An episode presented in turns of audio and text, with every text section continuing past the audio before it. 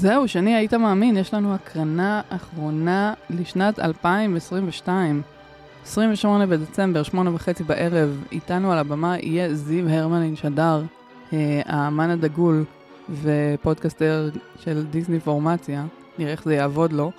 אה, אנחנו נקרין את הסרט המנסרים מטקסס 2. מי היה מאמין? איזו דרך לסגור את שנת 2022. טרשטוק עם גילי פורט. ושני קיניסו. טרש. קאלט. פודקאסט. ומה שביניהם.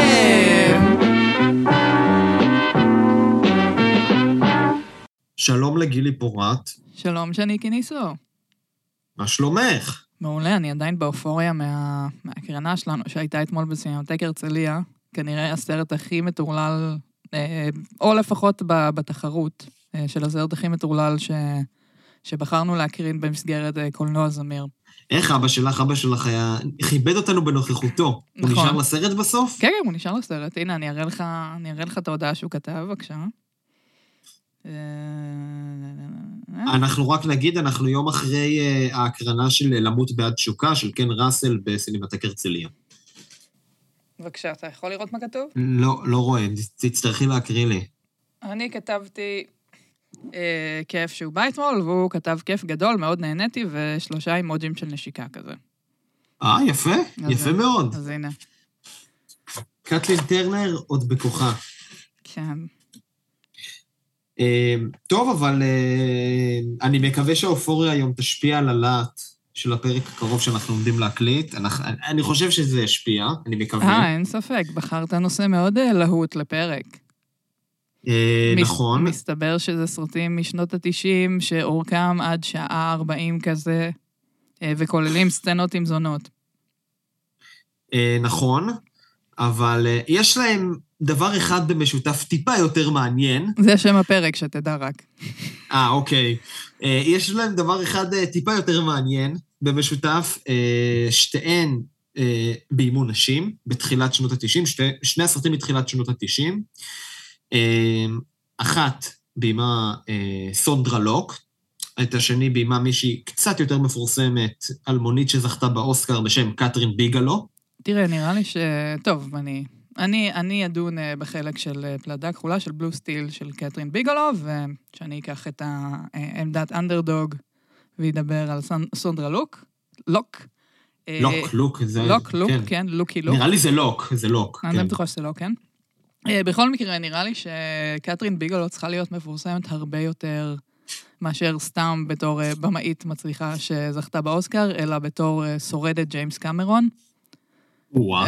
צריכה לקבל... שתי אנשים, שתי אנשים שלנו שורדות, נתחיל בזה. היא צריכה לקבל על זה אות, לא יודעת, האות הכי גבוה שיש לקבל כנראה. נכון, אני גם זוכר, ונגיע לזה, אבל אני זוכר שכשהיא זכתה באוסקר אז ב-2009, 10 זה היה, נכון? 11? מטען הכאב יצא, אני לא זוכר בדיוק. אמ, אני זוכר ש... שהתפרסם אז כאילו התמונות, את יודעת, מערב האוסקר, ורואים את אה, ג'יימס קמרון שהתמודד מולה, הרי אני חושב שזה אז היה כשהוא התמודד מולה לאבטאר גם. ורואים שהוא בא לחבק אותה, ואתה רואה גם שהוא מחייך והכל, אבל איך שהצלם תפס את זה, זה נראה כאילו הוא בא לחנוק אותה, וזו תמונה מדהימה, וכל הכבוד לצלם של אחת מסוכנויות הידיעות שתפס את זה. מטען הכאב אז, היה אה, ב-2008. אבל בסדר. 2008, וואו, אוקיי. כן, כן, אז כן, עבר אה. עבר זמן. עבר זמן. ו... עכשיו, לא רק ששניהם בוימו בידי אה, נשים, אוקיי, אוקיי, וואו, הוא היה ב-2000... סליחה, זו הייתה התקופה הזאת ש... שב-2008 הוא היה בפסטיבל ונציה, אבל הקרינו אותו בארץ רק באמת ב-2010. כי, אוקיי. לא יודעת, כי נשים. אמ, היה סביבו, בכלל סביב ההפצה, הרי אני זוכר באותו זמן שיס רכשו אותו, זה היה אמור להיות מוקרן רק ביס, ואז פתאום זה זכה באוסקר, ואיך סרט שזכה באוסקר יוקרן פעם ראשונה בישראל רק בטלוויזיה, כן. ואז לב הקרינו אותו בארץ. כאילו, אני זוכר את הסיפור שהיה סביב. נראה, לי היה סיפור דומה עם... אה, שהוא גם, שלא היה ברור אם יפיצו אותו, כי זה סרט אה, עם שחקנים שחורים, ולכאורה זה משהו שהוא מאוד מאוד לא מתקבל בדרך כלל בישראל, שתדעו. אה, קתרין ביגלו, כן. אה, אבל אה, בסוף הפיצו אותו. אה, אה, אני יודע על מה את מדברת. הסרט ש... דיטרויט, אה, סליחה.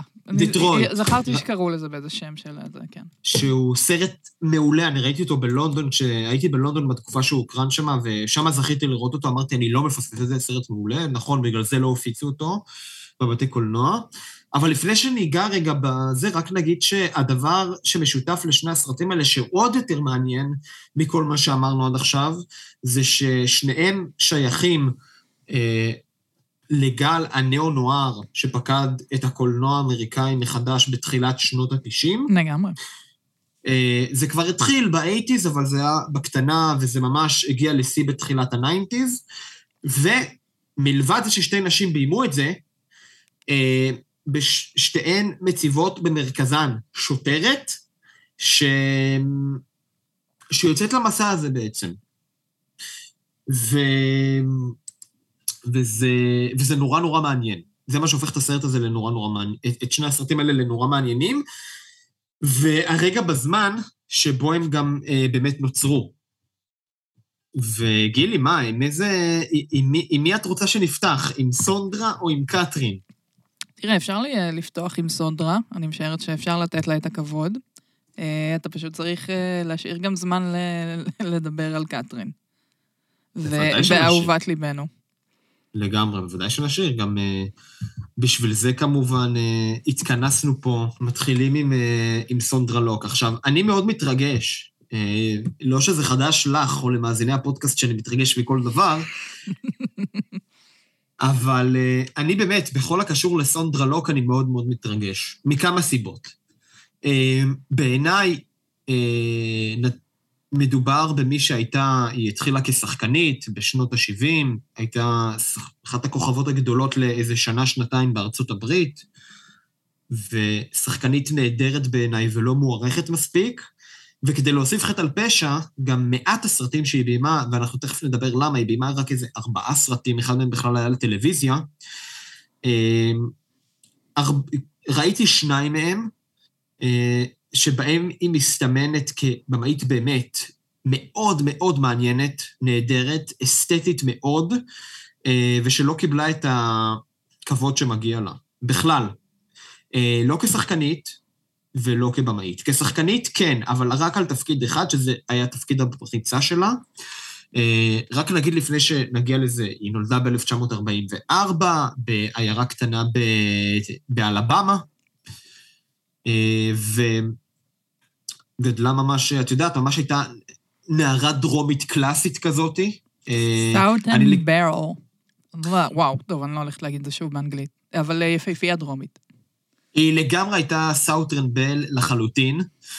אמ, ורק נגיד, מי שלא זוכר איך היא נראית בלונדינית כזאת, עיניים אה, כחולות, זאת אומרת, יופי אמריקאי קלאסי, מה שנקרא. גדלה בעיירה הדרומית הזאת, הקטנה. אה, אני גם, אה, לכבוד הפרק, זה היה לי תירוץ להזמין את האוטוביוגרפיה שלה, שנקראת The Good, The Bad and The Very Ugly. תכף נדבר גם על השם הזה. זהו, אתה, אתה פשוט רצית פרק, נראה לי שזה היה התירוץ שלך בעצם לכל הפודקאסט הזה. תירוץ ללרדת על... סונדרה לוק? לא, לא רק סונדרה לוק, פשוט תירוץ ללהשחיר על במאים. אני מרגישה שזו הסיבה שסוף סוף הגענו לפרק, אה, ואני מגלה שכל התירוץ שלך לפודקאסט הזה זה להשחיר על במאים. אה, זה לא נכון, זה נכון חלקית מאוד. אה, במקרה של הבמאי שבכוונה עוד לא אמרתי את שמו, ותכף נגיד את שמו, את גם יודעת שבמקרה הזה ספציפית זה מוצדק, כן. במקרה שלה. במקרה הזה זה הכי מוצדק שיש. כן. אז אה, כן, אז רק נגיד אה, עוד פעם, והיא התפרסמה ב-1967 כשיצא העיבוד לספר של קרסון מקלרס, עוד אחת שכבר התעסקנו בה בסדרת ההקרנות בסינמטק הרצליה, שהקרנו את אה, השתקפות בעין הזהב, שזה מבוסס על ספר שלה גם. אז היא השתתפה בעיבוד לספר הכי מפורסם שלה, אה, צייד בודד הוא הלב, מ-1967, לצידו, אה, סליחה, לצידם, אה, בעיקר לצידו של אלן ארקין, שהוא היה אז הכוכב הגדול, גם כן. והיא שיחקה שם את התפקיד שהכי זוכרים ממנו שם, את התפקיד של אה, ניק, שהיא הייתה מעין נערת טומבוי, מצד אחד נערה מאוד טומבוי, ומצד שני מאוד מאוד אה, רגישה. על התפקיד הזה הייתה מועמדת לאוסקר לשחקנית המשנה, דבר שמאוד הפתיע את כולם, לא כי לא שיחקה מדהים, אלא פשוט כי זה באמת היה תפקיד הבכורה שלה, והיא באמת הגיעה משום מקום, והיא גם הגיעה אחרי קמפיין עצום שעשו, זה, זה היה תקופות שהיו עושים קמפיינים עצומים כשמחפשים תפקידים ומחפשים שחקנים לא מוכרים. הרי גם אם אה, אה, אנחנו הולכים 30 שנה לפני זה בחלף עם הרוח, הרי עשו קמפיין מאוד מפורסם של זה אז. אה, אז זה גם היה המקרה פה, וזה סיפור בפני עצמו, כי היא גם שיקרה שם לגבי הגיל שלה. פיטרו אותה שנייה לפני הצילומים, אחד המפיקים שרתח עליה על זה. אה, וגם בגלל, את יודעת, בואי נודה על האמת, גם בגלל שהיא באמת יפהפייה, אבל גם בגלל שהיא שחקנית, אה, באמת הפגינה שם תצוגת משחק באמת נהדרת שנכנסת לך לנשמה, אה, היא הייתה מועמדת לאוסקר, מה שכמובן הקפיץ את המניות שלה בטריליונים. בכל אופן, ואז, אחרי התפקיד הגדול הזה של סונדרה לוק בצייד בודד הוא הלב, היא משחקת בעוד כמה תפקידים. אחד מהם זה הסרט ווילארד, על, עם ברוס דוויזון, שיצא איתו גם איזה זמן קצר. ברוס, אגב, הנה, אנחנו חוזרים עוד פעם, ברוס דוויזון, שכיכב לנו אתמול בפשעים ועד תשוקה, כאבא הבורגני. משחקת בווילארד, שזה גם סרט אדיר על מישהו שעם אובססיה לעכברים, לא משנה עכשיו, אבל רק כדי להזכיר שתראו את זה. מככבת בכמה, בהמון סדרות טלוויזיה שהן רציניות מבחינת נתוני צפייה, רייטינג ואהבת קהל. ואז, ומלהקים אותה ב-1975, לסרט של קלינט, שקלינט איסטווד עתיד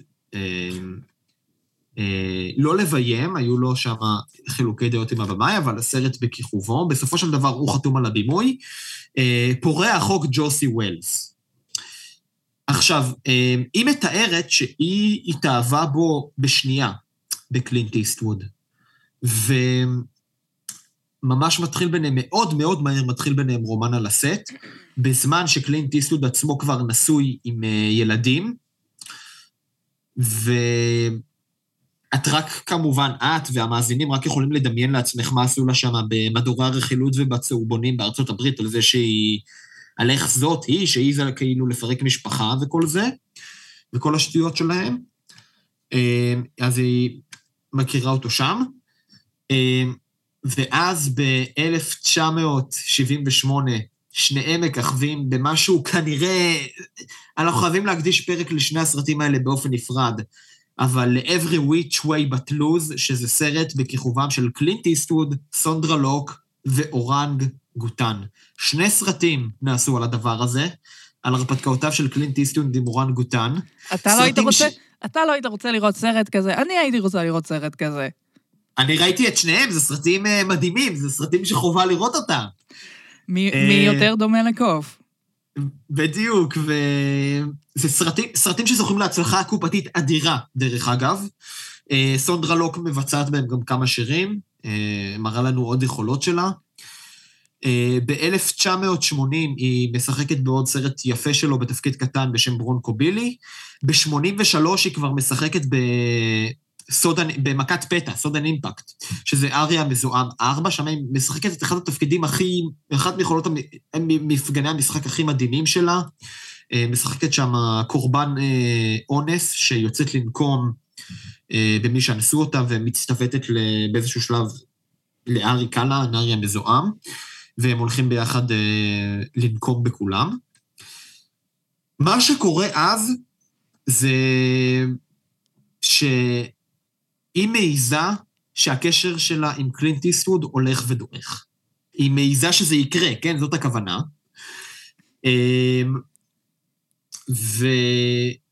ומה שבעצם קורה, זה שכבר ב-1988 שניהם כבר באים להיות על סף גירושים ומגיעים לבית משפט. עכשיו, חשוב להבין פה שני דברים.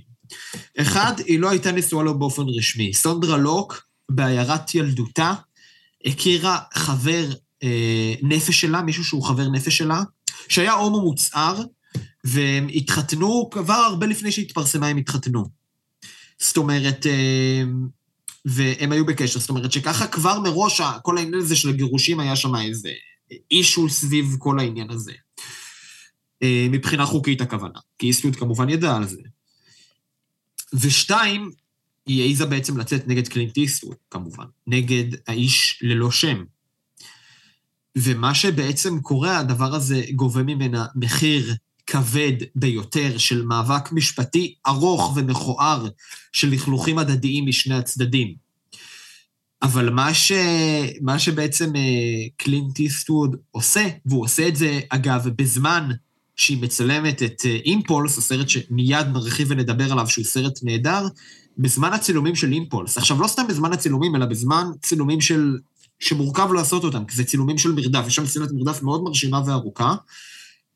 היא מקבלת טלפון על הסט, ואומרים לה, אה, קלינט זרק אותך מהבית שאתם גרים בו ביחד, ממש החליף מנעולים, הכל, כל הדברים שלך על הדשא בחצר, ודברים יקרים, הוא שם את זה בכס... באיזה כספות, אחסן את זה באיזה כספות שהן בשליטתו, ורק הוא יודע את הקוד או משהו כזה.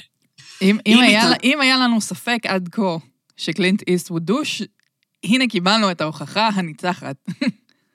כן, עכשיו, היא מתעלפת ישר על הסט, לפי עדויות, בספר היא מכחישה את זה, אבל לפי עדויות באותה תקופה היא ממש מתעלפת על הסט באופן מאוד מאוד מובן, ממשיכה לצלם ובעצם לא יודעת איפה היא הולכת לישון באותו לילה. בהמשך כל ההליכים המשפטיים הארוכים והמייגעים האלה, אה, מתגלים הרבה מאוד עובדות לא מחמיאות, בלשון המעטה, לקלינט איסטווד. בין היתר מתגלה שלא רק שיש לו, שהוא בגד בה ויש לו שני ילדים, זה אחרי שאנחנו גילינו שהיא נכנסה ממנו להיריון פעמיים, לדבריה הוא הכריח אותה לעבור הפלות, הוא טוען שלא, אבל לטענתו הוא הכריח, הוא הכריח אותה ולחץ עליה לעבור פעמיים הפלה. וכדי להשתיק את כל העניין הזה, קלינט איסטווד אומר לה, בואי נגיע לאיזושהי עסקה מחוץ לבית המשפט. כל הדברים, כמובן, את, את יודעים, בגלל חוסר בזמן, אני מקצר פה, חשוב לציין כל הדברים בעיתונים, בכותרות של אותה תקופה, זאת אומרת, סערה עצומה סביב מי שהוא אייקון אמריקאי בלתי נתפס, ומישהי שחקנית, שבת זוגו למשך 13 שנים, אבל שהעיזה ברוב חוצפתה לצאת נגדו. הם מגיעים לעסקה, יותר נכון וורנר בראדרס, שזה האולפנים של איסטווד כמעט מאז ומעולם, מגיעים איתו לעסקה, מגיעים איתה לעסקה שאומרים לה, את חתומה איתנו עכשיו למשהו כמו חמש-שש שנים, תציעי לנו מה את רוצה לצלם ונעשה את זה. היא מסכימה, בנוסף לפיצויים.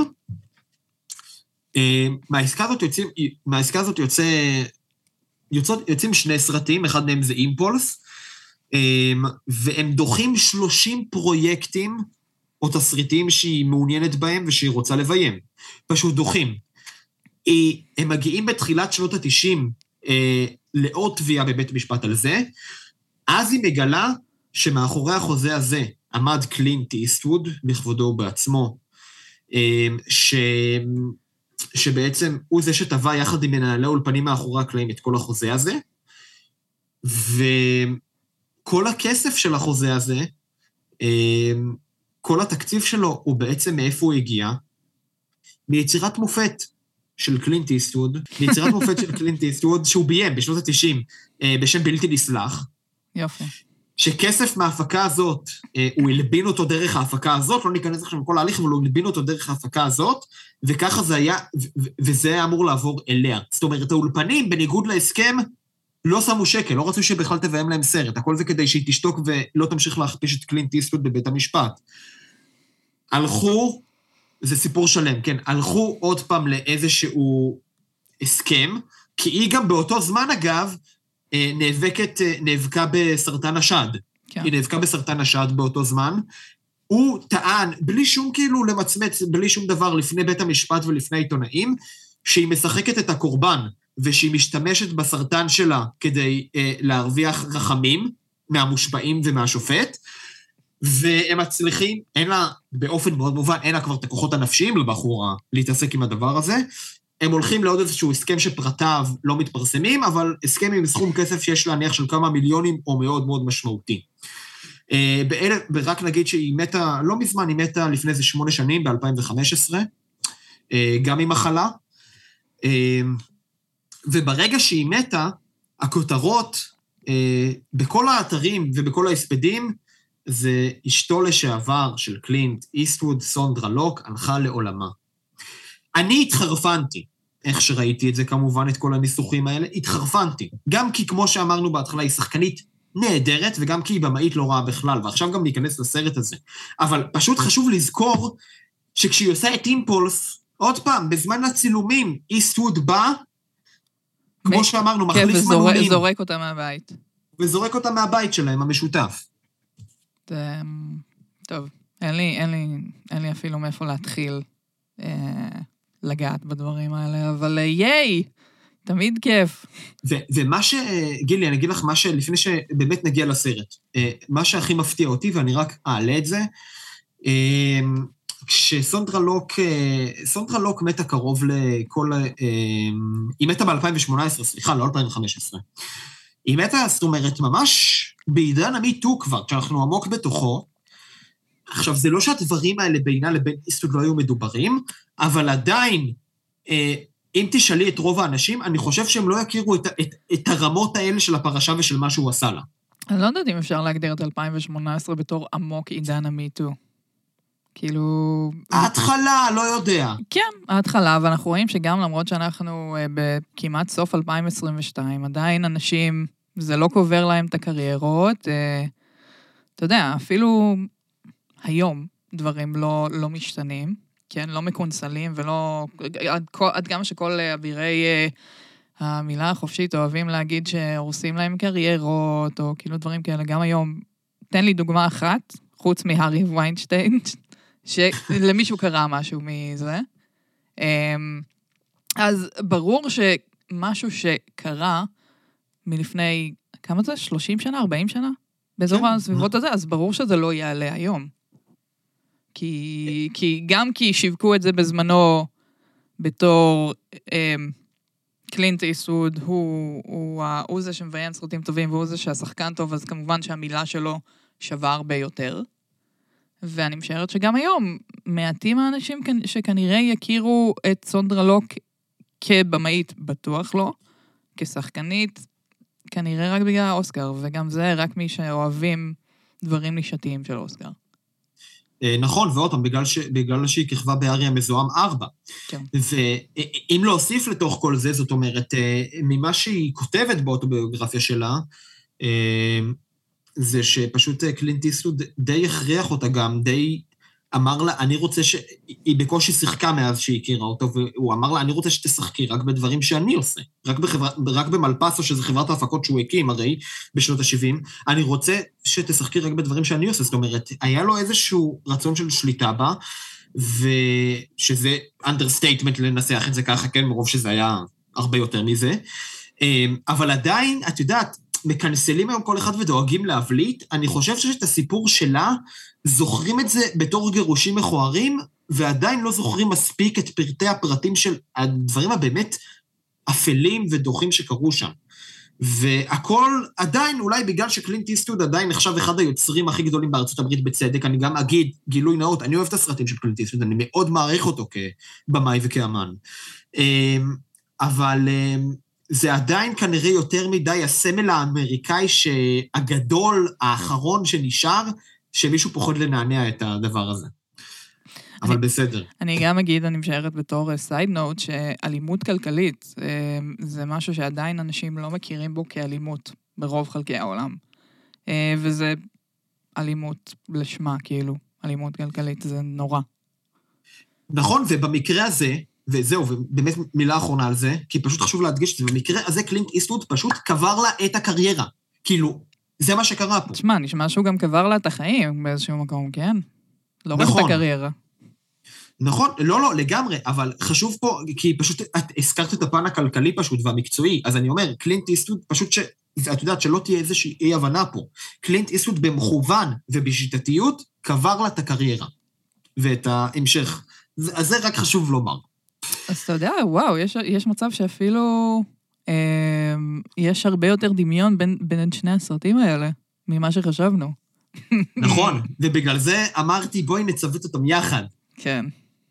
אמ, אז אוקיי, אנחנו מגיעים למה שאנחנו... והפרק הזה הוא במוצר חלק מהרצון לתקן את, ה image של סונדרה לוק ולהכיר בה כשחקנית ובמאית. אז אה, נגיע לסרטים, ב-1990 היא יוצרת את Impulse. זה אחרי שב-1986, שנייה לפני שהם התגרשו, היא יוצרת סרט בחברת הפקה של איסטווד עם אנשי ההפקה הקבועים שלו, העורך, הצלם, שאנחנו מכירים מהשמות של הסרטים שלו. סרט מאוד יפה בשם Ratboy, רק נגיד, על ילד שנולד חצי עכברוש, חצי אנושי. סרט מאוד יפה שהיא משחקת בו בתפקיד הראשי. קלאסי, כן.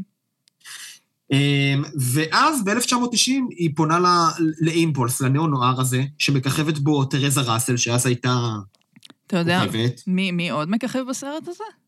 ג'ף פאי. גם. התכוונתי, אבל מי? אה, אני, ברור שציינתי מישהו ישראלי. זה היה אה. הקטע הפרובינציאלי. אה, אלי דנקנר, אבא של, כאמור, כאמור, אבא של רן דנקנר, שאנחנו יודעים שהוא שחקן, והיום קצת מטורלל, אבל בסדר, לא נורא. אה, נכון, וכן, זה, זה, זה היה קורע מצחוק לראות אותו שם פתאום. אוקיי. אה, אני, אני זה ברמה של, לא עשינו את זה בגלל כל העומס של ההרצאות ועיסוקים אחרים שלנו, אבל אני ממש רציתי איכשהו לנסות להגיע אליו, לדבר איתו על חוויותיו עם סונדרה לוק על הסט. אפשר- אולי נעשה את זה בהמשך. אפשר לעשות פרק המשך או משהו. אה, אין בעיה, אני בטוחה שתוכל למצוא אותו. לגמרי. ובכל אופן, הסרט עצמו, כמו שאמרנו, יוצא בזמן שקולנוע, אה, ניאו-נוער חוזר לשלוט בקולנוע האמריקאי. אתה רוצה לתת אומרת- פסקה קצרה על מה זה ניאו- ניאו-נוער, אני משערת? אה, בוודאי, כן, ניאו-נוער, אמ, את יודעת, אמ, בוא נגיד שהתקופ... בואי נגיד שהתקופה הקלאסית שאנחנו מכירים כמובן של הניאו-נוער זה אלף שנות ה-30, 40, 50, זאת התקופה... של הנוער. כן, של הנוער הקלאסי, הכוונה. כן. אה, ניאו-נוער זה משהו שבעצם אה, מתחיל אה, לקרות מ... יש כאלה, את יודעת, שכבר תופסים את זה מסוף ה-60's. אני חושב שהניאו-נואר, את יודעת, הטהור הראשון האמיתי, היה The Long Goodbye של אה, רוברט אלטמן. ומה שקורה בו זה, בגלל שהניאו-נואר הוא כל כך, רק נגיד, זה, בגלל שזה ז'אנר שכל כך מזוהה עם דמויות, עם דמויות של אאוטסיידר שיוצא נגד המערכת הגדולה הקפיטליסטית, אבל בסופו של דבר, גם אם הוא יוצא נגדה, הוא מאשרר אותה, כי זה אומר, אתה הגיבור ורק בעצמך תבטח, לא באף מוסד אחר, ורק אתה מסוגל לעשות uh, הכל. עוד פעם, כמובן ברדוקציה. Um, הניאו-נוער לא רק שמבליט את כל הבעיות שבתוך האמריקנה ואת כל הבעייתיות של החלום האמריקאי, אמ, הוא גם תמיד ילך לסוף של מעין טרגדיה יוונית כזאת. גם אם בסוף הוא שמח, זה תמיד יהיה משהו אירוני בסוף. כן. אה, דוגמאות בולטות, אני- טוב, לא יודעת בולטות, אבל דוגמאות סתם שעולות לי לראש, Chinatown, Brick, נגיד, גם אחלה Brick. סרט. לגמרי, ב Blade Runner יש אלמנטים בלי סוף של אה, ניאו-נואר. אה, בגרסה מה-80's של הדוור מצלצל פעמיים עם אה, ג'ק ניקולסון, אה, זה גם לגמרי ניאו-נואר. אה, וזאת אומרת, מבחינה צורנית כן, זה נראה כמו, הרבה פעמים מבחינה צורנית זה, זה דומה, אם לא זהה לניאו-נוער קלאסי, אבל כל העולם הערכי פה הוא מאוד משתנה, ו...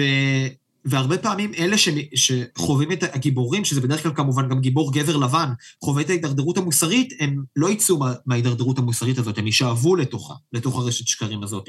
סודות אליי, כמובן, אם אנחנו מחפשים סרט מאותו עשור. כן. אה, אז זה מה שזה אומר בעצם, ככה, על קצה המזלג ניאו-נוער.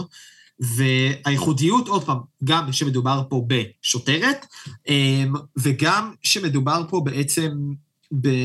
בניסיון לבחון אה, מה התפקיד של האישה בתוך העולם של הנאו-נוער. כי חשוב לזכור שאנחנו יודעים שבפילים נוער, וגם בנאו-נוער במידה רבה, אה, נשים הן לרוב כל הפ- הפעם, הפעם פטאליות, הן גורמות לאבדון. הזונות, המושאי תשוקה, הם, כן, מאוד...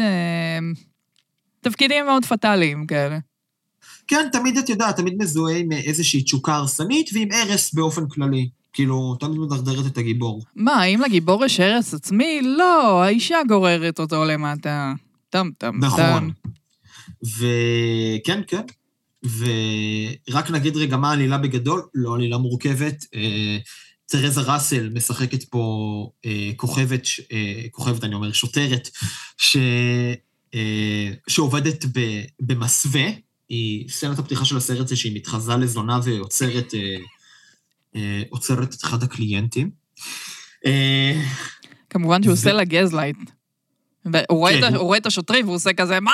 היא תפסה אותי, אני, אני כולה באתי זה, והיא עשתה זה. היא הזמינה אותי לפה. הוא הזמינה אותי לפה, מה אני עושה כאן? כן, אה, יוצאים לו שם מאיזה מוטל ש...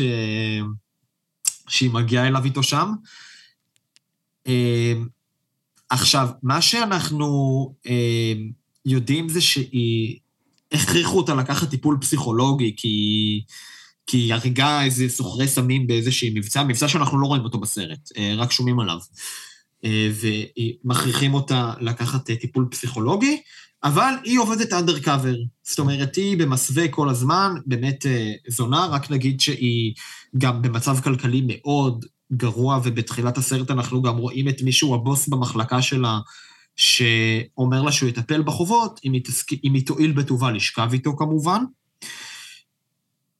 אני, אני ו- פשוט עושה מבט, אפילו אין לי כוח להגיב לזה. כן. ויום אחד מגיע להם איזשהו תובע מחוזי, חתיך, משהו מדהים. וואי, וואי, וואי, אז התובע. כן, איזה תובע, איזה עוזר לתובע, שזה ג'ף אה, פיי, אם אני זוכר נכון. אמ, והוא עובד איתם, הם רוצים לתפוס איזשהו סוחר סמים מאוד מאוד גדול, והם רוצים שהיא תיכנס איתם למבצע הזה ותעשה את כל ההסתוויות האלה שלה. ביניהם מתחיל רומן כמובן, רומן שהיא לא רוצה אותו כי היא לא רוצה להתחייב אה, רגשית, האם זה רומן על אמת? אה, היא לא מרגישה בטוחה עם עצמה, למרות שהוא אומר לה שהוא אוהב אותה. אה, ואז אחרי איזושהי פעולה של אה, סצנת מרדף, אם את זוכרת, מאוד... אה, שמבוימת מאוד יפה במה שמתחיל במגדל קומות הגדול הזה ונגמר ברחוב שם. היא הולכת באותו ערב לאיזשהו בר. בבר הזה היא בעצם אה, פוגשת, מישהו ניגש אליה, מנסה להתחיל איתה, אומר לה, אה, שם לה ביד כסף, הוא חושב שהיא זונה, אומר לה, אה, בואי איתי לבית שלי הלילה, מישהו מאוד מאוד עשיר, שאחרי זה אנחנו כמובן מגלים שהוא סוחר סמים גדול ומבוקש. היא הולכת להתארגן במקלחת, ואז מישהו רוצח אותו, אנחנו לא רואים מי, ו... מפה בעצם התעלומה מתחילה. עכשיו, זה רק השעה הראשונה של הסרט. אה, ומה ש... מה שבעצם הסרט הזה אה, עושה בצורה מאוד מאוד יפה, נתחיל, נתחיל רגע מהבייסיק, לפני שנצלול לניתוח שלו, שזה סרט באמת מאוד מרתק ולא מוערך מספיק. אה, קודם כל, אה, סונדרה לוק זאת במאית, ואני בטוח שגילי תאשר את זה איתי, כי היא יותר חזק באסתטי. אה, היא... זה סרט שני שלה. עכשיו, זה סרט ז'נרי ראשון שלה. טוב, הבנו אבל שאם אה, קלינט איסטווד לא, לא לא. היה הורס לה את הקריירה, היה מדובר... היה מדובר פה גם בשחקנית עילאית מועמדת לאוסקר על הסרט הראשון שלה, היא גם במאית סופר מוצלחת. קלינט איסטרוד הרס לנו קולנוע טוב, אתה מבין? קולנוע מדהים נכון. שהיה יכול להיות. נכון, אבל אני מבקש פשוט גם, אני, אני גם רוצ... מבקש תמיכה עוד יותר ב...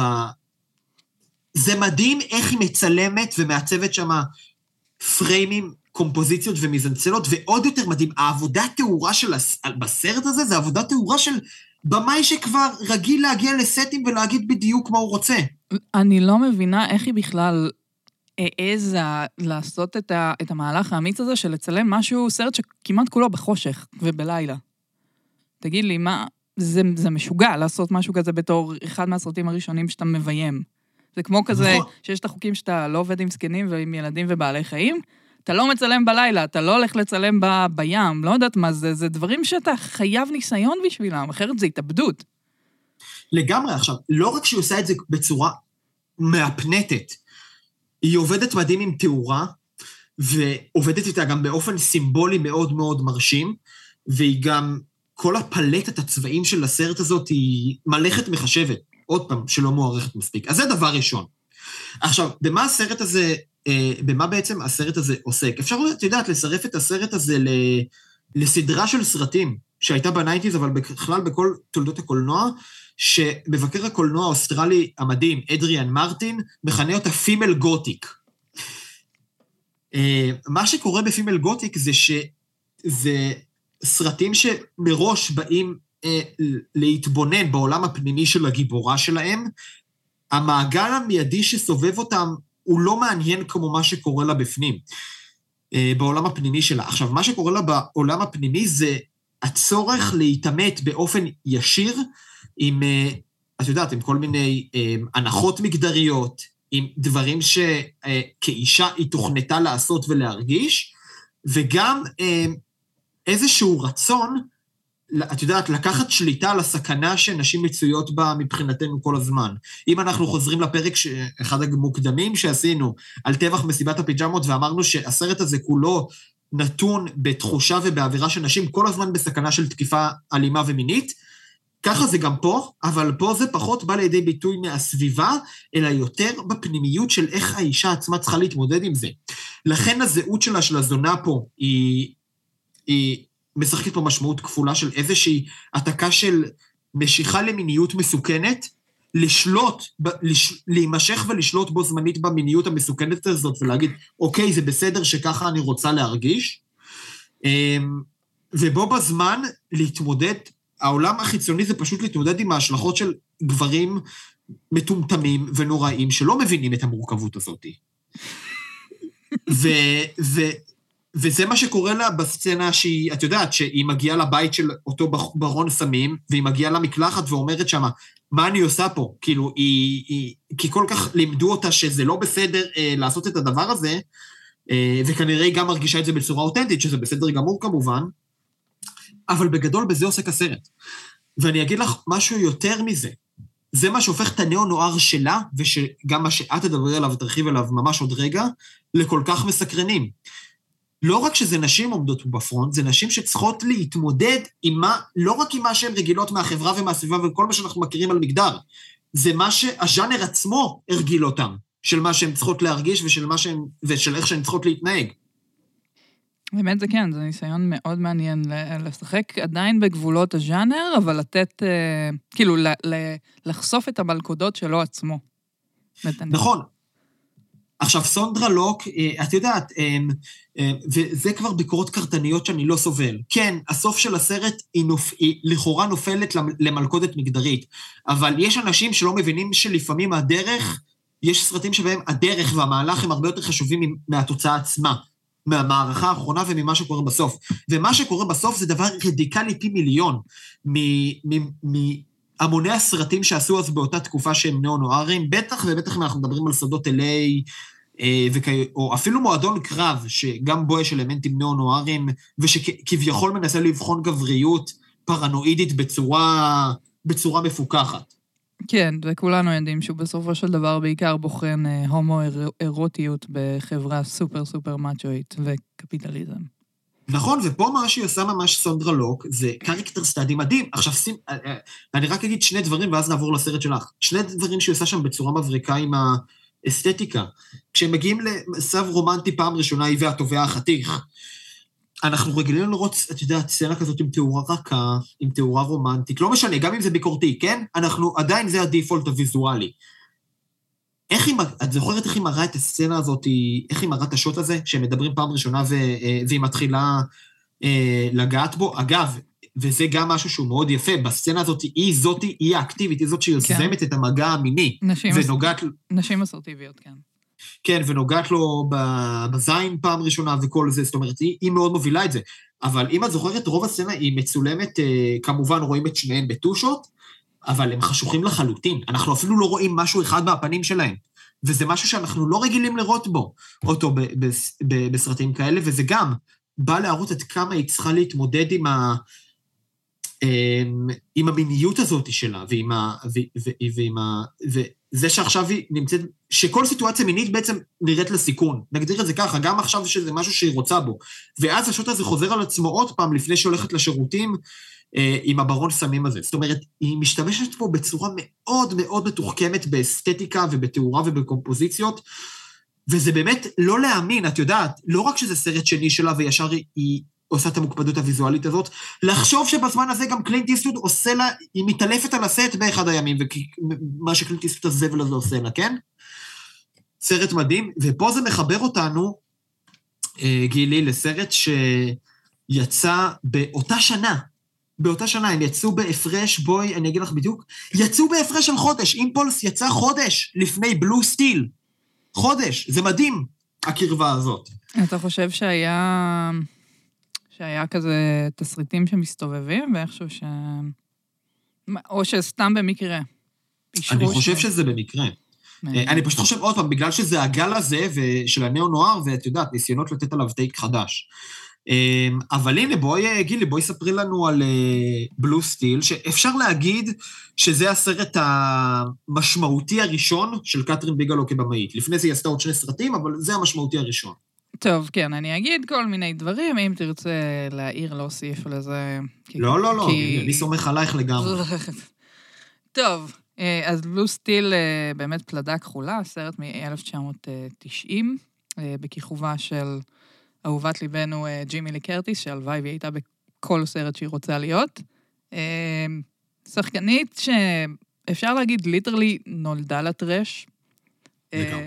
אחרי שאימה היקרה אה, הייתה פיינל גרל הראשונה, וג'ימי המשיכה אותה.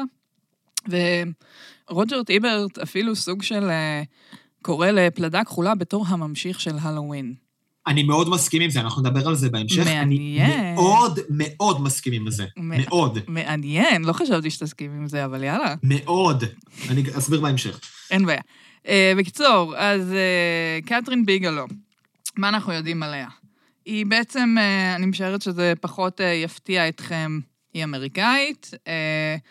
היא בכלל לא למדה קולנוע, היא הייתה בהתחלה, למדה מין אומנות כללית כזה, בוויטני, היא הגיעה מכל מיני כיוונים כאלה, ההורים שלה היו מעמד פועלים. בסופו של דבר, עד שהיא הגיעה ללמוד קולנוע בקולומביה, המורים שלה היו בין השאר אה, סוזן סונטג, שזה גם משהו שלגמרי אפשר לראות בהשפעה של זה. סרט ראשון שהיא מביימת 78, The Setup, זה 20 דקות של אלימות. אה, אנשים פשוט נלחמים, ויש ניתוחים סופר סופר סוזן סונטג. אה, אחרי זה סרט ראשון, אורך מלא, יש לנו את Loveless ב-82, אה, סרט אופנועים עם, מונ- עם מונטוגר, מונטי מונטוגרומי, נכון? מונטגומרי קליף? מונטוגום, לא, מונטי, אה, מונטי. חבר של. חבר שלי. אה, אז יש לנו ב-87 את ניר דארק, אה, סרט שהיא זכתה בו בסאטרן, נראה לי, נכון? סרט ערפדים נהדר, רק כן, לומר, סרט... מישהו אה, רוצה. גם, היא מתחילה, היא גם. את כאילו, אמנם היא במאית סופר, אין הרבה הרי אה, במאיות שנכנסו אה, למעגל המצומצם הזה של אה, זוכות אוסקר, אבל למרות שהיא במאית סופר, מאוח... סופר מוערכת וסופר זוכה באוסקר, גם היא התחילה בטרש. כיאה? כן. והיא, אה, רק להגיד, היא האישה הראשונה לצערנו הרב שזכתה באוסקר. כב- על בימוי. כן.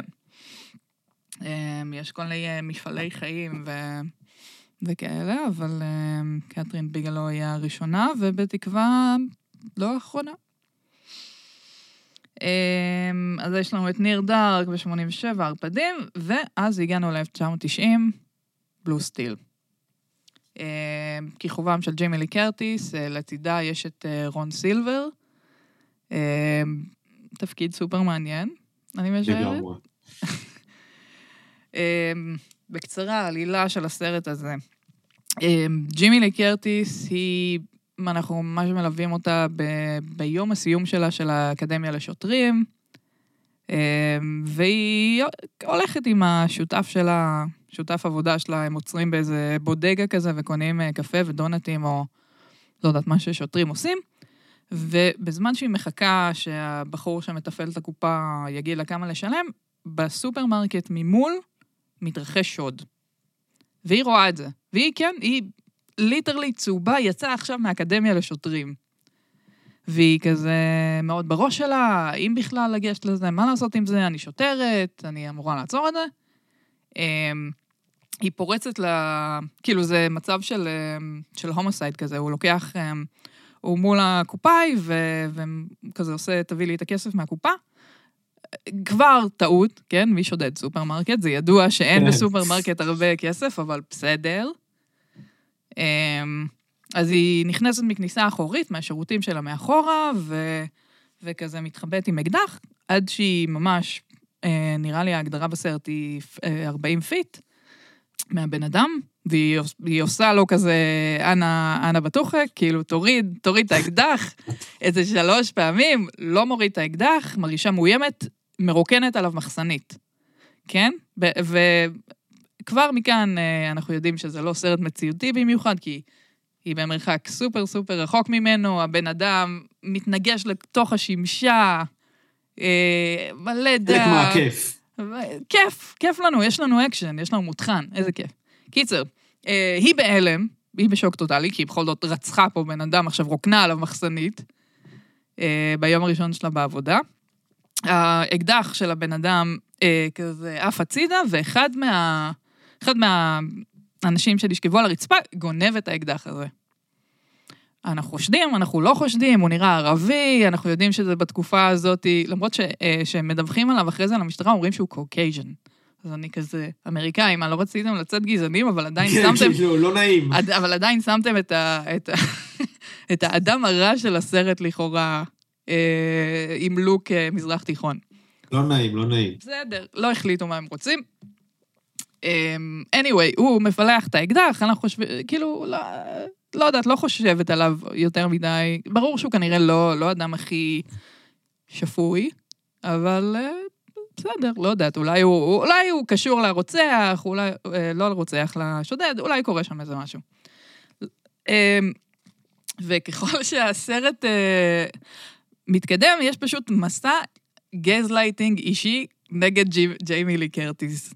לא משנה מה היא עושה, כן? ובדרך כלל התחושות שלה ממש ממש בסדר ו-on point, היא מקשיבה לה, לאינסטינקטים שלה ובדרך כלל בסדר. הבעיה היא שכולם חושבים שזה לא נכון.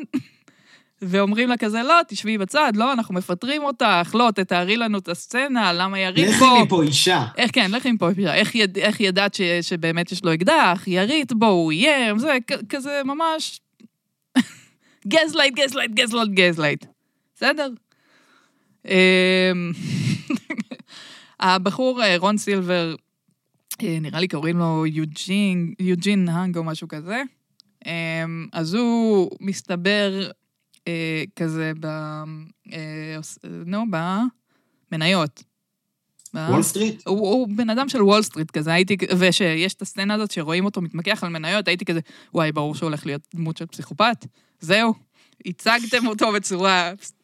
אני לא, אני לא צריכה עכשיו שהוא, שהוא יקבל אקדח ביד ויתחרפן, אני כבר יודעת שהוא פסיכופת. סימנתם לי את זה בצורה מאוד מדויקת. אז כן, אז הוא, הוא לאט לאט אה, סוג של מתחיל לשמוע קולות, או... זה לא ממש ברור לי העבודת דמות שהוא עשה שם, אבל בסדר. הוא פשוט יורה באנשים, כי יש לו אקדח. וזה זה מה ש... וזה מה שקורה, ולא אכפת לנו ממש עם איפה הוא ברצף הפסיכופתי, כי לא טרחו ל- לאפיין יותר מדי את הדמות הזאת מעבר למישהו שיש לו אקדח ופשוט מתחיל לירות באנשים. אה, וכנראה שהוא הוא נהיה אובססיבי לג'ימי, והוא מתחיל לצאת איתה. זה, זה כבר סימן אזהרה ראשון, לצאת עם רון סילבר זה כבר משהו ש... שהיה צריך להדליק נורה אדומה מלכתחילה. Um, כן, הוא מתחיל לצאת איתה, ואפשר גם לומר ש... uh, עוד פעם, אני, את יותר uh, זוכרת טוב ממני את הסרט במקרה הזה, אז תקני אותי אם אני טועה, אבל הוא מתחיל להיות קצת אובססיבי אליה בקטנה, על כל דבר שהיא עושה, בקטנה, אבל מה, כזה. כן, משהו ממש בקטנה כזה, הוא כל פעם עושה כזה, הוא מהאנשים האלה ש, שנדלקים ממש מהר.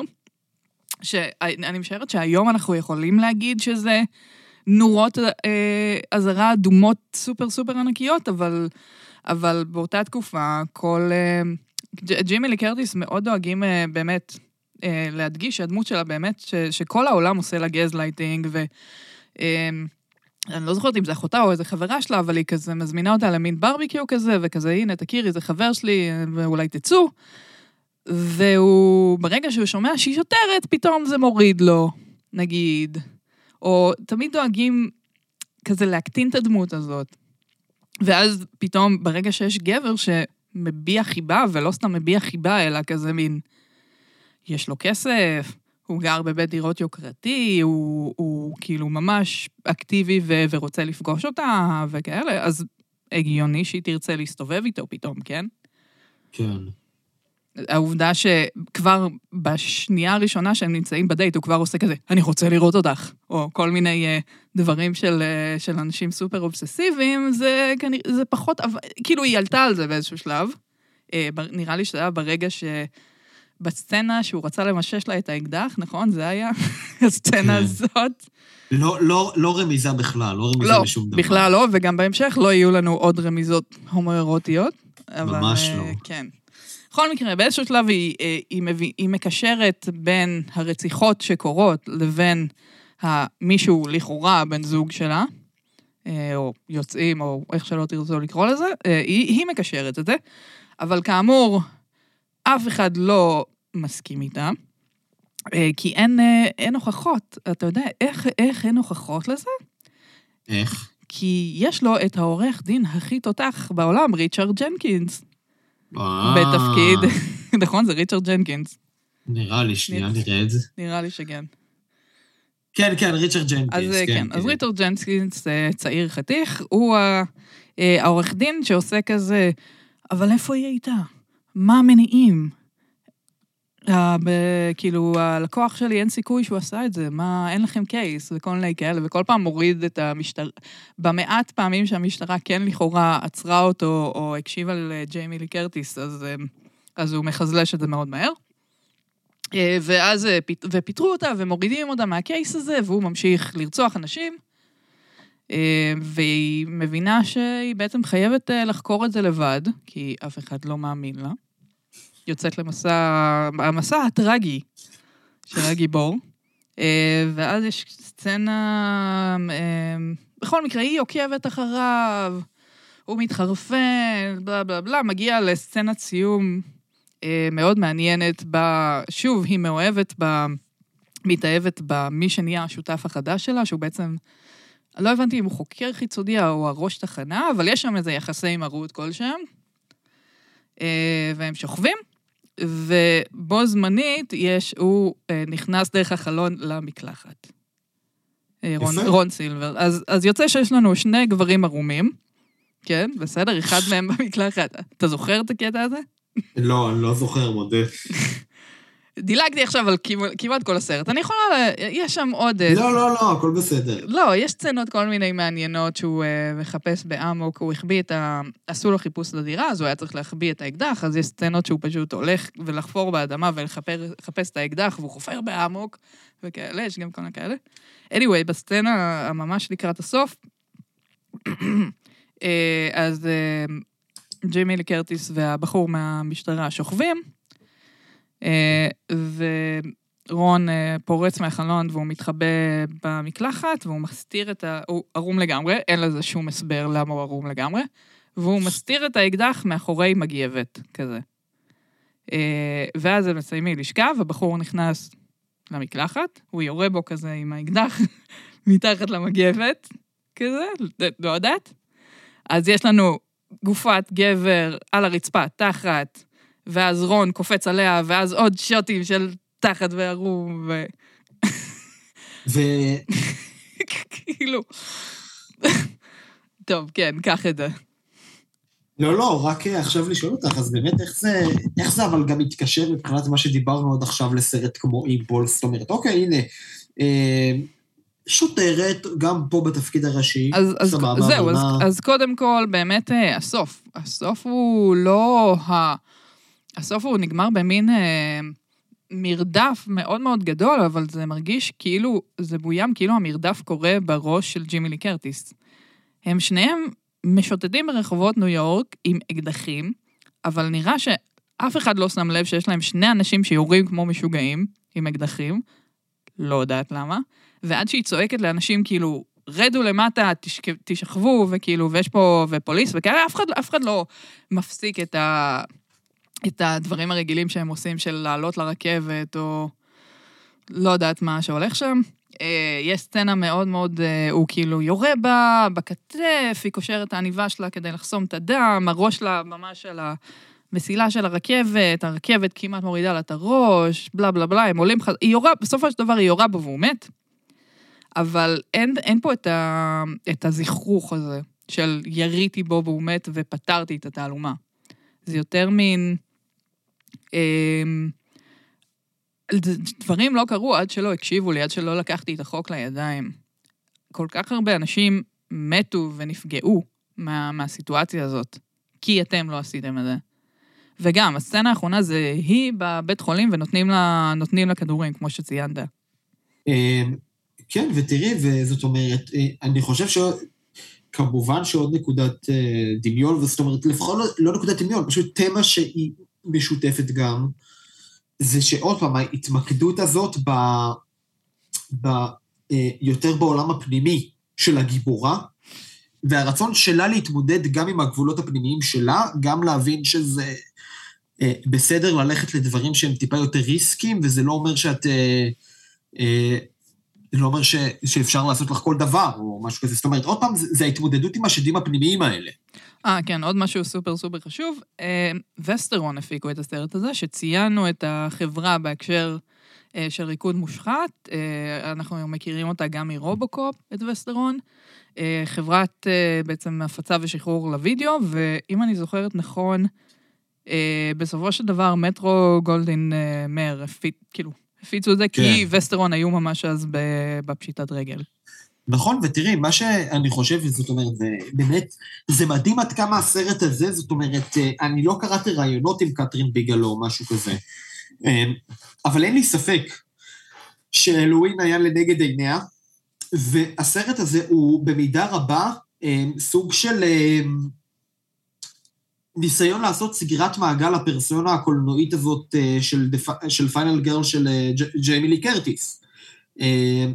זאת אומרת, הדמיון הזה הוא כמובן באובססיבי, בדמות של הברוקר האובססיבי מוול סטריט שרודף אחריה וכל הזמן נמצא שם. אם לזכור את הלואין הרי, כל החלק הראשון של הסרט זה פשוט מייקל מיירס מסתובב ברחובות של העיירה הקטנה הזאתי, רואים אותו, פתאום הוא נעלם. זאת אומרת, אתה, אתה לא מבין אם, אם אתה כן רואה אותו או לא רואה אותו, אה, העימות כמובן האגדי המיתולוגי של ג'יימי לי קרטיס אה, בסוף הלואוין מול מייקל מיירס, זה גם אה, משהו ש... זאת אומרת, זה גם פה בא לידי ביטוי בסרט הזה, אבל זה באמת איזשהו ניסיון להתמודד עם הפרסונה הקולנועית הזאת של ג'יימי לי קרטיס, עם, עם בעצם התהליך הזה של ההישרדות שלה, זאת אומרת, זה... זה זה, זה ממש לבחון את הדמות הזאת שהודבקה לה כנערה השורדת האחרונה. ואני זוכר שראיתי את הסרט הזה בפעם הראשונה לפני המון זמן, ואמרתי, וואו, זה ממש, יש פה קווים מקבילים בלי סוף להלואוין, וקתרין ביגלו עושה את זה בצורה נהדרת. ואת יודעת, זה גם באיזשהו מקום, אם אנחנו מסתכלים על זה ברמה הז'נרית, איזשהו, אה, ברמה הסגנונית והאסתטית, איזשהו רצון בניאו-נוער הזה להוריד את המיתולוגיות. מהדמות הזאת שהיא גילמה בהלואוין, ולהראות איך היא שורדת במקום שהוא הרבה יותר קיומי, כי הלואוין, עד כמה שהוא יצירת מופת, הוא בסופו של דבר, כל העלילה שלו היא, זאת אומרת, זה סרט שהרי קרפנטר נשען שם בעיקר על האווירה של אימה, ובמידה רבה הגדיר אווירה של מה זה אימה עבור המון סרטים שבאו אחריו. ואת יודעת, הוא מתפקד כזה גם כמעין אגדה מודרנית שקורית עכשיו, אבל עדיין כמעין אגדה שהיא נפרדת. פה צריכה, אה, ג'יימי לי קרטיס, הדמות שלה בבלו סטיל, אה, להיות חלק מהחוק ומחלק ממי שנלחם באמת. אה, וזה עוד דבר שמקשר את זה בצורה מרתקת להלואוין. והנה, פה אנחנו, את יודעת, נשארים באמת עם שתי במאיות, עוד פעם, סרטים שמדהים שיצאו בהפרש של חודש, עם קווי דמיון בלי סוף ביניהם. מעניין אתה יודע, לא... לא יודעת, עכשיו מעניין אותי ממש לחקור באמת אם היה ביניהם קשר, או שהם דיברו, או שמישהו חקר את הסרטים האלה במקביל. אולי, נש... אולי נשאל את אלי דנקנר. אפשר לשאול. כן. למרות שאני, אה, למרות שאני יכול להגיד לך שכאילו כבר בביקורות לפחות על אימפולס, המבקר של הלוס אנג'לס טיימס, אה, העלה שם את בלו סטיל, זאת אומרת, שימו לב, עוד סרט עם אה, אישה קשוחה אה, שבמצוד. אה, הדמות של ג'ימי לגרטיס היא מאוד מורכבת שם, היא לא... בדיוק בגלל שהיא יודעת שרואים אותה בתור הקשוחה כזה של השוטרת, ה... כל, אז כל פעם ששואלים אותה, יש איזה שלוש פעמים נראה לי ששואלים אותה לאורך הסרט, איך, איך חשבת להיות שוטרת וכל מיני כאלה. וכל פעם יש לה בדיחה אחרת, בסגנון של אני אוהבת לפוצץ לאנשים את הראש, או אה, כזה, פשוט בא לי לראות את כולם מתים. זה מתחיל מדברים כזה קשוחים, כי היא חושבת שזה השיח שצריך לעשות עם גברים כזה, ואז זה כאילו מה שדוחה אותם בדרך כלל. אמ, ואז נראה לי שבפעם האחרונה היא מדברת באמת על תחושת הקורבנות. על זה שהיא רצתה לעשות טוב ולהציל בעצם. בזה. לא, וזה תחושות, אה, את יודעת, זה באמת אה, גם איזשהו ניסיון לצאת נגד התווית הזאת, שבאמת הודבקה לה בהלואוין, שהיא שלמה איתה מאוד, כן? זה התפקיד שהיא מאוד גאה בו, היא משתפת בכל ההמשכים, ג'יימי קרטיס. ברור, תפקיד מדהים, מה זאת אומרת? כן, גם אני, אבל זה... היא גם כל כך יצאה מהתפקיד הזה, עם כל היא עשתה כל כך הרבה תפקידים אחרים מאז שהיא מזוהה מהם. לגמרי, ו... אבל זה גם איזשהו ניסיון לבוא עם זה, איזשהו חשבון נפש ג'נרי כזה, בבלו סטיל, לתחושתי לפחות, וזה מעבר לדמיון האחרים, לקווי הדמיון הרבים האחרים שציינו שקיימים בסרט. אז אה, מה, אתה ממליץ? מה אתה אומר? מה... אני בוודאי שאני מאוד, אני יותר מממליץ, אני בעיקר, אה, זאת אומרת, אני פה בעיקר אה, באמת באתי לעשות, אה, כמו שאמרתי בהתחלה, לובי לסונדרה לוק. אני חושב שזה עדיין... סונדרה לוק לנשיאות. לגמרי, אני עדיין חושב שזו מישהי שהעוול שלה נמשך. עצם זה שלא הרבה מכירים את היצירה שלה, אה, ממשיך לעשות לה את העוול. לא הרבה, לא הרבה, לא הרבה מאלו שמכירים את תפקידי המשחק שלה עדיין, או תמיד כשהם יראו אותה, שזה בסדר שישר יעלה קלינט איסטווד והכל, כן? זה מובן, אבל גם... אני חושב שעדיין לא עשו את ההפרדה הזאת. אני מאתג- ו- מאתגרת אותך ליצור סדרה בהשראת סונדרה לוק. תקשיבי, בשמחה, באוטוביוגרפיה שלה, אה, לא רק שכתובה מאוד יפה, יודעת לכתוב הבחורה, אה, יודעת להיות סטורי טלר לא רעה בכלל, כמו שאנחנו גם רואים מהסרטים. אה, יש לה גם סיפור חיים מאוד מאוד מעניין מעבר לקלינט איסטווד, אז אני, אני, אני באופן אישי לגמרי דמיינתי את זה. אני רק אגיד שב-2005 יצא, אני לא זוכר כרגע את השם של הסרט, יצא איזשהו סרט שמתרחש כולו בעיירה כאילו שבה היא נולדה, ו, ו, וזה סרט תקופתי, ואז כשהם מגלים שהכוכבת של אה, צייד בודד הוא הלב, זאת, אה, היא גדלה פה, וזאת סונדרה לוק, אה, הם בעצם רוצים להגיע אליה ולשלוח לה איזשהו מכתב אה, אהבה, הערצה כזה מהעיירה, אנחנו נברר איך קוראים לסרט הזה, אני לא זוכר כרגע, אבל זה סרט, סרט מאוד מאוד יפה? יכול להיות. סרט דוקומנטרי? לא, לא. סרט? לא, לא, עלילתי. וואלה. טוב, בסדר. אז אה, טוב, זה לא משנה כי אתם הולכים לשמוע את זה אה, אחרי מלא זמן, אבל שתדעו שאנחנו אה, יוצאים לפגרת חגים, סוג של. כן, בעל כורחנו. בעל כורחנו, אתה נוסע ללונדון בעל כורחך. בסדר, אבל אני חוזר, אני, אבל תראי, הטיסה שלי היא, אני, אני חוזר בדיוק לפני ראש השנה, אני בחגים אני פה. האמת, בוא, בעצם בחגים אני פה, סליחה. גם אנחנו, אני עושה את זה. אה, תראה שאתה לא יוצאים באמת לפגרה אף פעם, גיל. כן, כן, חייבים. לא יוצאים אף פעם. המצוד אחר הטרש. טוב, בכל זמן ובכל זמן ובכל דרך. אה, והסרט על... אה, על, אה, על סונדרה לוק עם העיירה הקטנה והכול, קוראים לו Our Very Own, הוא מ-2005, ומככבים בו, יש בו, אני רואה, הוא, הוא לא הופץ כמו שצריך, אבל משחק, אה, בתפקיד הראשי אליסון ג'ני. אה, תשיג לנו את הסרט, שני. אה? תשיג את הסרט. בוודאי, שריל היינס שם, את זוכרת? את יודעת מי זאת שריל היינס, ברור שאני כן? יודעת מי זו שריל היינס. חברים וחברות, אשתו של אה, לארי דיוויד בתרגיע. אה, קית' קרדין גם מופיע, בקיצור, נראה את הסרט הזה. קיצור, שני תהנה בלונדון, אה, דש לגברת של ה blaxploitation. תביא אותה. אמן. אם אתם באמת הולכים להיפגש. בברור, יש כבר, יש כבר כרטיסים ל... לא, זה שאתה. בשיחה איתה זה לא אומר שאתה הולך אה, אחרי זה לבקש חתימות אחרי זה. אה, אני רוצה, השאלה אם אה, זה יקרה, כן. זה יקרה, זה יקרה. טוב, תודה רבה, גילי. אני חושב שזה... עכשיו באמת, אני... כדי לסכם ממש, אני חושב שעשינו פה פרק שמעבר לזה שהוא היה מאוד כיף, כי זה סרטים נהדרים, הוא גם היה, לתחושתי, מאוד חשוב.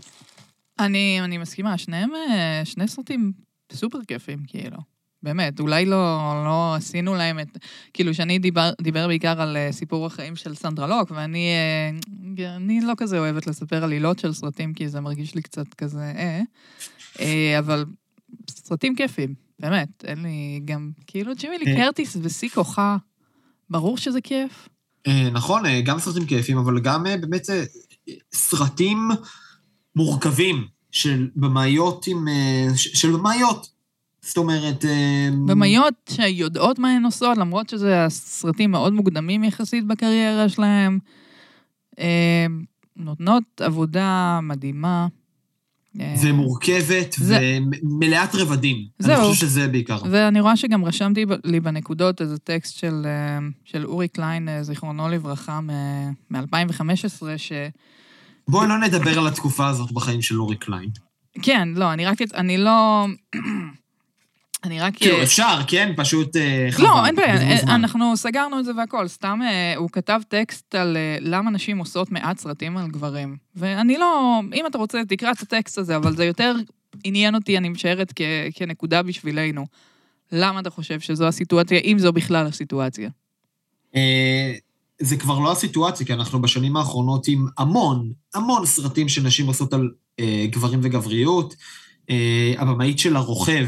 בקיצור, היא דוגמה, אבל אנחנו רואים הרבה מאוד סרטים כבר בשנים האחרונות שנשים אה, מביימות על, על גבריות, ו... תראה, נראה לי הוא... נראה לי הוא... בעיק- בתקופה הזאת, אה, זו התקופה הפחות אה, זוהרת שלו בעיניי. כן, נראה לי הוא גם יצא מנקודת הנחה שלכאורה יש הרבה סרטים שגברים ביימו על נשים, מה שזה קצת שקר גדול. אמ, ו- וגם, מה לעשות, שזה לפעמים פריבילגיה. אה, לביים סרטים שאתה לא בהכרח סופר סופר מתחבר אליהם, ואם נשים יודעות שאולי הם יביימו רק סרט אחד, וזה במקרה הטוב, אז הגיוני שהם ירצו לביים סרט שהן הרבה יותר מתחברות אליו. זהו, נכון. וזהו. וגם שכל אחד יעשה סרטים על מה שהוא רוצה. שכל אחד יעשה סרטים על מה שהוא רוצה. כאילו, למה אנחנו מכניסים מגדר לכל העניין הזה? אני לא מבינה. די, כן. זה כזה מטומטם. טוב, אז תודה רבה, גילי. תודה שני. ועכשיו ירדנה ארזי.